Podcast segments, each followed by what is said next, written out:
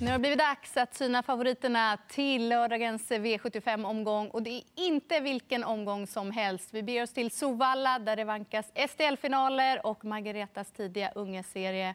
Vilka lopp! Hur peppade är ni, Leon och Elin? Ja, det är grymt. Jättepeppad. Ja, Man längtar ju tills det är dags. Ja, verkligen. Ja, sen man får den där uppladdningen inför V75 med de där otroligt bra V4-loppen. Och sen kommer det, ja, det är så mycket ändringar på V75-hästarna den här veckan. Så ja, det är bara att sätta tänderna i allt. Det är en grym, grym omgång. Och vi har ingen stor favorit på förhand. Hur svår känns omgången? Jag tycker det är svårt att hitta en spik som man verkligen vill alltså, tro på stenhårt. Ja, det höjer ju potentialen för att det ska Ja. bli hö- hög utdelning. Alltså. Så vet vi ju när det är finaler, alla laddar. Ja, ibland blir det för mycket för vissa och det kan bli hur bra som helst för vissa. Mottot blir lite så här vinna eller försvinna en sån här gång. när Man har siktat på finalerna. Då kör vi igång och börjar i V75 1. Och här bär nummer 1, Borups Victory, favoritskapet till 33 i silverdivisionsfinalen. Den procenten köper jag. Jag tycker att det är rätt favorit när han fick det här utgångsläget. Jag ser honom sitta i ledningen här. Det är en mycket, mycket fin häst. Han studsar kanske tillbaka lite nu just med det här läget. Då. Senast så var det ganska långt mellan starterna. Han behövde det loppet, fick springa lite i ingenmanslandet och kanske inte var som allra bäst då. Jag tror att han kommer studsa tillbaka. Men jag kommer nog inte att spika för det är så bra hästar här och jag kan inte lämna nummer tre Hell Patrol som har visat strålande form alltså. Jag, jag släpper inte honom och inte heller en ruggigt eh, rolig skräll, nummer sex, Corsaro Nero Font. Den där kan avsluta bra. Han gjorde ett eh, tufft lopp senast, men den kan också avsluta väldigt vasst. Så att blir det lite överpace på det hela så 2 procentare. Rött. Eh, han fick ju stryk av King of Everything. Jag, jag tror Magnus kommer köra tills han sitter i, i ledningen i det här loppet. Jag tror det blir en otroligt sevärd eh, spetsstrid i det här loppet. Och eh, det kan ju kosta för båda. Så jag tänker väl lite som du, Hell Patrol, nummer tre där. Han har ju varit fantastisk egentligen ända sedan ja, för fyra start Han gjorde ju kanonlopp även då, även om han inte vann. Och sen har han verkligen blommat ut helt och hållet. Två Mares Dreamboy kommer nog få en bra resa nere vid sargen också. Den tänker inte jag åka på. Sen finns det ju liksom... Det är ju lördagsgodis verkligen. Björn på fem Erosola, Björn Goop alltså. Och sen är väl eh, nummer åtta Behind Bars en sån där som... Han smyger lite i vassen. Han har inga riktiga lägen för att vinna, men det kan nog bli ett, ett väldigt sevärt lopp där.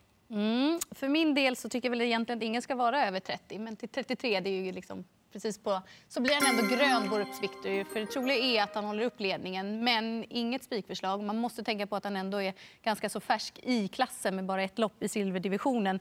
Hell Patrol tycker jag, precis som ni, är superintressant. Just om det blir tempot så känns det som att han som gynnas mest av det. Sen av övriga, fyra Unique Creation är ju ingen häst som kan vara med från början. Men om man då jämför med att Borups Victory, King of Everything, båda gick verkligen alltså maxad prestation ändå senast. Då tror jag att det är fördel för Unicreation som verkligen bara fick smyga med och verkligen så här, må som allra bäst över mållinjen. Så att jag tycker att han är värd att lyfta till 8 procent. Så vi är överens om att vi bör gardera i den första avdelningen. Det tycker jag. Ja.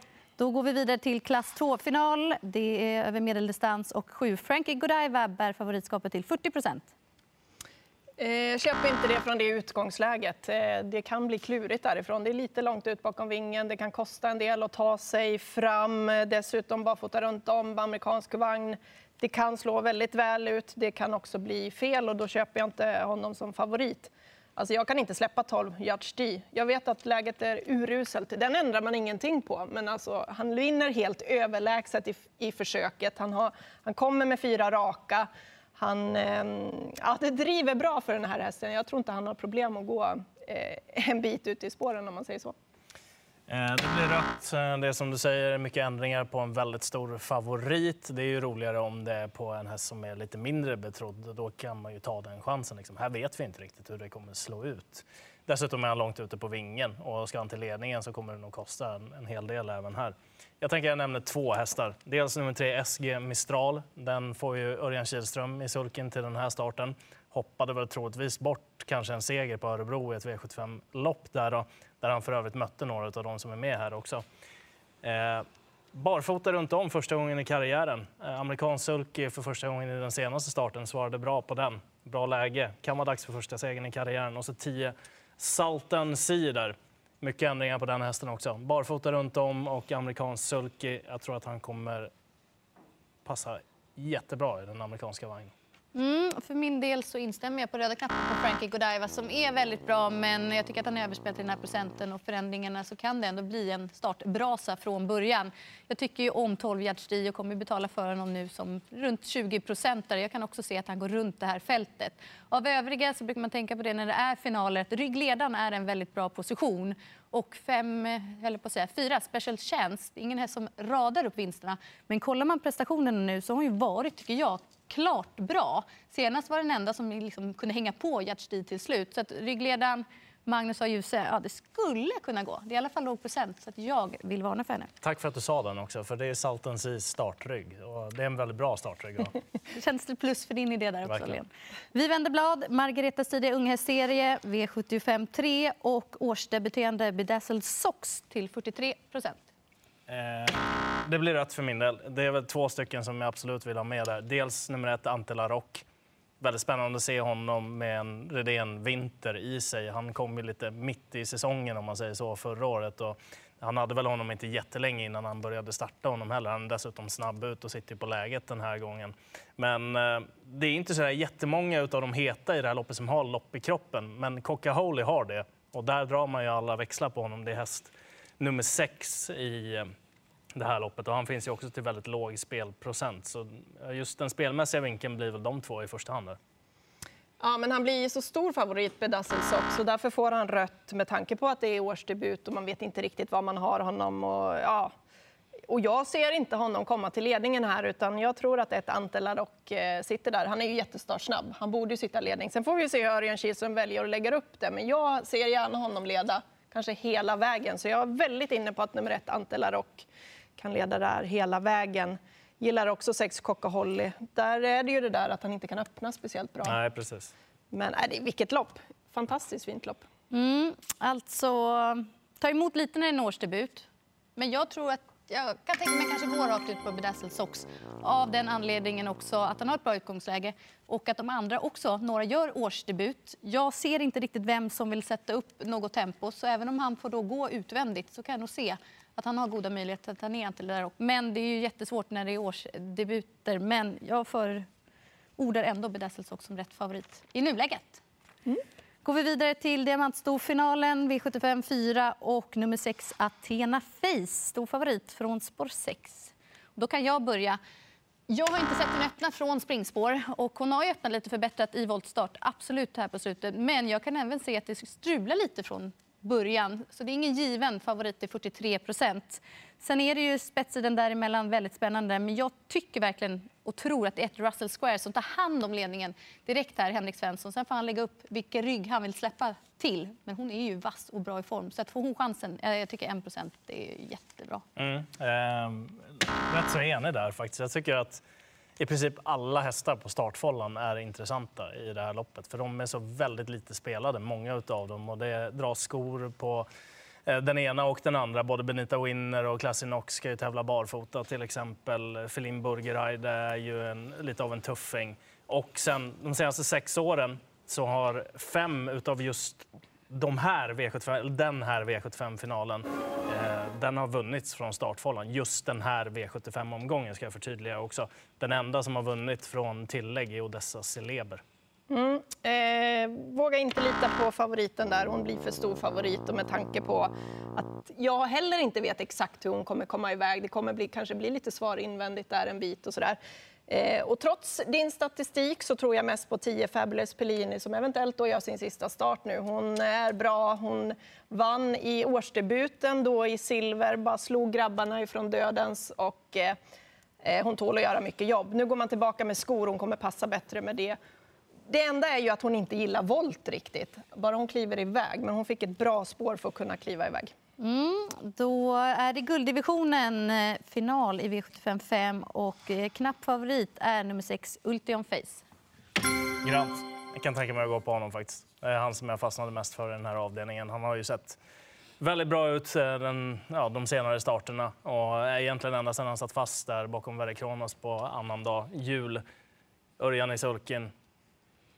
Jag hittar inte så mycket annat roligt i det här loppet så det blir lätt för mig att gå på. Jag älskar den här favoriten och procenten, att han inte blir så stor favorit. Så att jag kommer också gå på honom. Han har visat strålande form och eh, ja, avslutningen sist var det inget fel på. Det gick vi sagt under loppets väg. Nu är det ett halvvarv kortare. Ja, men formen, alltså den är jättebra och Örjan Kihlström upp. Och kapaciteten är också riktigt bra. Spik på Ultion Face. Vi är väldigt överens. Det gäller bara att han ska hushålla med krafterna. Att han inte blir för vass. Men jag tror också att möjligheterna är betydligt bättre än vad spelprocenten säger nu. Väldigt överens var vi där. Får vi se vad vi säger i klass 1-finalen. Där är nummer 5, Bugatti Hall, bär favoritskapet till 36 procent. Och då kan jag börja. Första anblicken tänkte jag ja, men han har ju jättegoda möjligheter. Men sen så börjar jag analysera loppet, ser hur ska han komma iväg? Var hamnar han? Nej, jag eh, känner inte alls lika bra för honom som jag gjorde direkt. Utan det är två Dynamite Sensations som har vuxit fram. Kan ju dessutom öppna. Tycker formen där är riktigt bra. Skulle han komma till ledningen så är han dessutom obesegrad från den positionen. För Badman är inte så snabb, Jasmor Fan är ju snabb men jag tror att man väljer en rygg där. Cornerstone inte så snabb, fem Bugatti Hall. Så att nej, jag förordar två Dynamite Sensation. Jag tycker också rött. Eh, alltså han har sprungit på sig väldigt mycket pengar, en halv miljon nu bara på de här senaste loppen. Och, eh, han kanske står dem, håller dem bra, liksom. men äh, det liksom bara blir tuffare och tuffare motstånd hela tiden.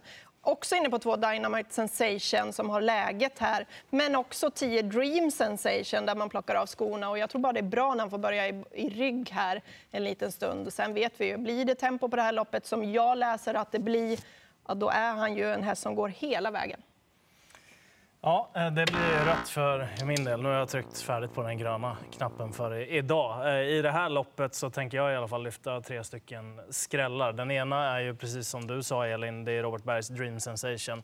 Första gången den ska gå barfota runt om. Han provar ju det den här gången för att han har just bakspår. Och sen ett Bad Manner som kan få en bra resa på innen. Och sen fyra Cornstone, den ska gå i jänkarvagn igen.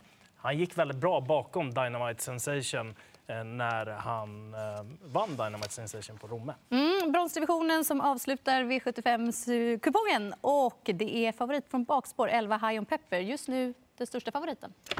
Jäklar vad bra han har sett ut här i år, de här tre raka segrarna. Men det är ett halvvarv kortare, det kan strula från det där utgångsläget. Jag litar inte fullt ut och inte på den höga procenten som han står i just nu. En som har dåligt läge också, nu är det nummer 12, Castor de Star, men oj vad han har matchat honom bra, Westholm. Och så glöm inte tre Calm with Age, den kan ju komma till ledningen och vinna det här. Ja, då håller jag mig kort. Det är mitt drag nummer tre, Comes with Age. Eh, ja, eh, instämmer helt och hållet. Samma häst, tre comes with age, spelar inte utan förutom de betrodda i det här loppet. En otroligt rolig omgång, vilken klass och spelvänlig omgång. Vi var överens, Ultion Face, bästa spiken. I övrigt så finns det några skrällar vi kan hoppas och jobba in. Stort lycka till med V75.